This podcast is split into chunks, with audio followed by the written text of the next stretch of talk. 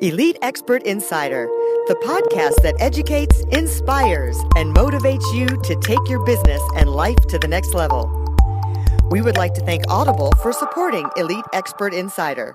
Please go to the link bit.ly forward slash elite audible. That's bit.ly forward slash elite audible and get a free 30 day trial to show your support. Thank you, Audible. Now to Elite Expert Insider for conversations with industry leaders. Hi, welcome. We're so glad to have you here today. I'm here with my partner, Jen Foster. Hey, Jen. Hey. We have a great show for you this morning. Um, we are going to talk to an incredible guy, but first I want to remind you to review our podcast and share it with everybody else too, because I forgot to do that last time. So let me tell you, we have someone who has helped promote and market over 30 concerts.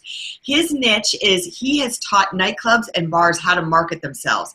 But the cool thing about this is you can take what he has learned from his expertise in that niche and it transcends into any business. So we're going to learn some really awesome marketing tips, and we're really excited to have Louie Lavella with us here today. He is a multiple author. I think he's written four books, right, Louie? Welcome. Yeah, I, I thank you for having me. It's great to be here. Thanks for everybody for taking the time out to uh, to watch and listen. This is going to be fun. Yeah. So tell us a little bit about your background. How did you get started in that niche? It's so unique, uh, marketing for bars and nightclubs and promoting concerts. Absolutely. You know, I think everybody gets into some sort of um, small job when they're a teenager or in college. Sometimes it's retail, sometimes it's a bar. Uh, I went for that that bar industry, but instead of hitting bar, I've never bartended in my life professionally.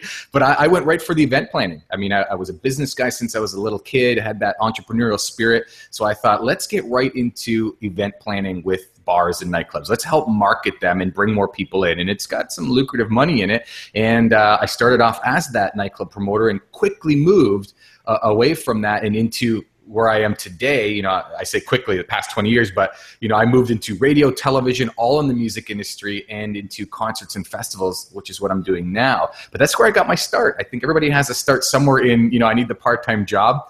My passion was, you know, going out having fun and of course marketing, so it kind of fit. That's great. Tell us a little bit about how some of that marketing that works for those uh, that specific niche can work for, say, someone who has I don't know a window company. Absolutely. Well, and especially nowadays because social media is here, right? And it is officially, you know, not now, it's always been uh, growing, but uh, everybody has that little bit of celebrity drive in them. So as I'm seeing, like uh, I've interviewed major stars like Lady Gaga and Richard Branson and the Backstreet Boys and and all these kind of people, and I can see and have relationships with them and the PR reps and management, um, especially when I'm doing concerts. I can see the celebrity drive that brings people out to major events, and I've really studied user behaviors, especially because there's lots of noise out there, and I can see that in every single industry out there that make yourself famous or have that little bit of celebrity in you on whatever level it is, works wonders. I think everybody understands they're a media company nowadays, whether you're just a person that has a job or trying to get a job or an entrepreneur or an author or consultant. Um, and I, I, do consulting and, and, I'm an author as well. I can totally see the user behavior. If you can create some authority and some little celebrity, people will follow and buy. And I've noticed that. And so being in the entertainment industry becomes a little easier to understand on my end to translate that to other businesses. Right. So how how could someone kind of bring that celebrity out of them? What are some of the things they could do? You know what? I think um, knowing your brand and your audience becomes one of the first things that people need to figure out, and and that's again with anybody. So if if, if you work in a cubicle and you want to get that raise, or you you're an author and you want to sell more books, or use that as a business card to get speaking gigs, you have to know your brand. So using myself as an example, yes, I do work in the entertainment industry. Um, I, I, I, consult and, and am a director of marketing for large festivals, but I also want to speak, and I have speaking gigs, and I want to sell some books and things like that. So I need a personal brand.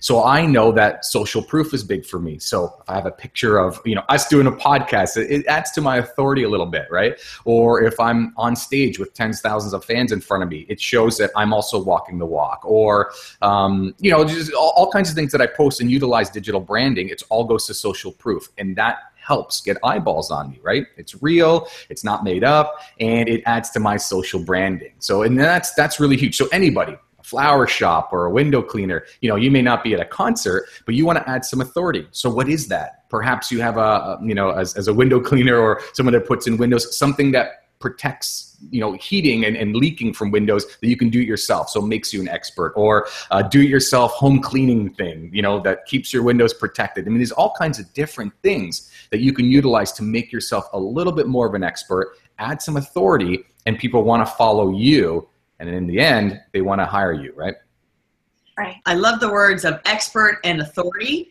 because we are really big on that um, from our business of being a publishing company. That we think one of the best ways to get that expert and authority status is through a book. And you have not one, not two, not three, but four books. And um, so, talk about how a book has helped you and how you've leveraged that book.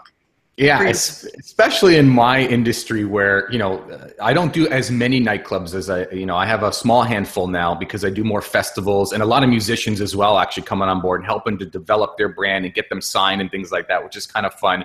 But there's not many people in my industry that has wrote the book on whatever it is you know like when i go speak in the nightclub and bar conference and it's all you know people who are who are in the industry trying to learn you know i'm one of very few people that have wrote the book on let's say nightclub and bar marketing. There's probably like three of us in the world right? So you're right. Using that as a tool is massive because it adds authority. It shows that you are an expert and you have enough knowledge to fill a book. Could be 100 pages 200 pages 20 pages. It also shows some commitment uh, you know for, for your business and you as a consultant perhaps or an expert it shows you have some commitment to create a book. That's something that uh, you know maybe a lot of people aspire to do but never actually get around doing right? Uh, i used to do some work in the film industry and a lot of people said you know just finishing the actual movie is a huge feat. There are so many people that have great scripts and all this stuff and they don't actually finish the movie. Getting past that point is like you've already made it, you know, even if you don't get a huge distribution deal. And I feel it's the same way when you're publishing a book. It's hard. I have two more I want to write. Another one on, on music marketing, because I'm getting a lot more musicians, and another one which will interest everybody, taking all that cool information in the entertainment industry and how it applies in marketing and branding to anybody. And I have all kinds of chapters ready to go on it, but I have to get down and write that book. And I know it's tough. So just finishing a book looks really good, right? Uh, it, it adds to that authority and that trust level. Yeah. You were even mentioning earlier about how you use the book. Like one of the ways we talk about too, and you said you use your book this way as the new business card. Absolutely, 100%. I mean, sometimes I forget my business card because we're so digital, right? And we just add each other on, you know, on the phone or WhatsApp or Facebook or whatever it is. But the, that is a huge business card. I love, you know, if you self-publish, you know, there's all kinds of different ways to do it. I'm sure your listeners are pretty well versed, especially with you guys sharing sharing the information. You know, you can get published, you can work with a publisher, you can self-publish, but sometimes it's not as expensive to buy your own copies of the book or get them from the publisher and hand those out as a business card I mean, what better way than to say, you know what, you know, my card's in there, but here's here's my book on it. And what that's doing is giving all kinds of great information to the to the end user. And they can go take action on it. They can do things with the book, like actually information in there in the chapters. And it again makes you an expert in the field. It's not me selling that I'm awesome. It's here's the book and go do it. And most of the times they read it and they get in on it and they're like, you know, you're the expert. Let me hire you, right? Mm-hmm. Yeah, what would you say the biggest myths are, or the biggest like limiting beliefs that people have about branding themselves, or about being a celebrity, or if they have the shyness in them? What are, yeah. What are the- I think everybody has some sort of shyness, or even if you're outgoing, and sometimes I have this. I think everybody has the same problem of what do I say, right? Like, what do I say on social media? I don't know what to say. Like, am I going to post my French fries today? You know, that kind of idea. Like, a lot of people don't know what to say. But the funny thing is, if you stop and think about it, you always have these cool thoughts in your head that are like, man, this is this is what I would say, and this is you know this is something that makes sense write those down. Like grab your phone or a notepad and write those down, and you'll find that you have lots of cool sound bites and quotes that you can put out. You know, um, absolutely, it comes to you, everybody's head, and I think we're always worried about if I put that out, is somebody not going to like that? Probably, but that's okay. You know, you're going to build a fan base, and there's always going to be some haters out there all the time. Now, most of the times, they're not going to say anything anyways, and once in a while, they will make a comment. You'll have a good rebuttal, or you'll just ignore it. Like, there's many ways to deal with the negative feedback, but it's always there. And again, remember, it's okay, right? Especially if you get into a large celebrity status. I mean, they can sell millions and millions of albums or make tens of millions in a movie and they still have haters so everybody's out there that has their opinion so don't worry about that try and build a little bit of that thick skin and and just literally like the nike thing just just do it get out there daily content and daily quotes and things that you have to say helps build your brand and cons- consistency is massive that that will win and fail every time if you don't if you don't do it daily or you're not consistent you give up you're going to lose the game yeah, that's the hardest thing in anything in life is being consistent, you know, to do it over and over again. And I love that. And you know what they say about haters? You're not really famous or you haven't made it until you get a hater. Right, exactly. So bring them on. yeah, that's so So you talked a little bit about um, making sure you do it daily. What kind of tools or resources do you have that you can help um, some of the listeners today to be able to post daily without maybe having to, you know, go to your Facebook every day or go to your Twitter every day. Absolutely. I mean, there's lots of great things. So I'll use myself as an as an example here. So, you know, again, I'm not the best writer out there. I can write. Obviously, I wrote some books, but I'm like, oh, I gotta, I gotta write. Like everybody feels sometimes, right? You know, I'll use my phone if I have a thought. Uh, we mentioned before before we got on here you know my podcast is very quick two to five minutes it's, it's quick thoughts and they get out there and they're they're fantastic for my audience because that's what my audience likes excuse me so what I'll do is I'll grab my phone. I have a thought. I'm driving, and maybe I'll you know I'll pull over so it's quiet, obviously, and I'm not doing it while I'm driving. And I'll talk in my audio recorder. Now that creates a podcast. I can take it home and polish it. But then I'll take that and transcribe it. I'll have it transcribed by an assistant and then adjust it a little bit, and it becomes a blog article as well. So I can stagger that. And probably I come out with a cool quote in there that I inadvertently didn't even think about, and I'm like, that's a great soundbite and I'll use that on an Instagram post, right? So I'm repurposing a bunch of content using really an assistant or rev.com that can transcribe for very inexpensive uh, amounts in my phone. And, that's one great way to use content. Another way is I curate. As I curate a lot too. So you know, I will have a few websites that I love, marketing ones and advertising ones, and ones that are in the industry, and I bookmark them. And every day I'll look through them, and somebody's wrote some great articles, and I'll save them to something like Hootsuite or Buffer app and I'll just save them in there and I'll just buffer up all my content and I will give my two cents on it and share their article. So not only do I have my own content, but now I'm sharing other people's content as well. And it just keeps the content rolling. And on top of that, when I do social proof, here's my festival, I'm on another podcast, I'm flying somewhere, that's a lot of content. And it's really, when you think about it, that's not that hard to do when you think about it. But I just like loaded a whole whack of content in a week, right? Right. Well, and with the new Facebook Live, um, I don't know if you've used that before. Yep. But uh, tell us a little bit about that if you've used that. Yeah, so Facebook Live is fantastic because obviously it's real time. But uh, you know what I try and tell you know some of the you know, musicians, celebs, and and you know people that I consult is is learn when the best time to use it right because you really want to engage so we're recording this and we don't have a you know q&a coming through so to just talk facebook live and, and talk out you might want to pre-record that put a lower third, have a call to action, and then put out the video and boost it properly, right? Maybe Facebook Live's not best for just a talking head thing, but if you're really good at engaging, right, and you're, you're doing a Q&A and you're, you're saying something that's timely, and then you're grabbing information as people are posting, that's amazing, right?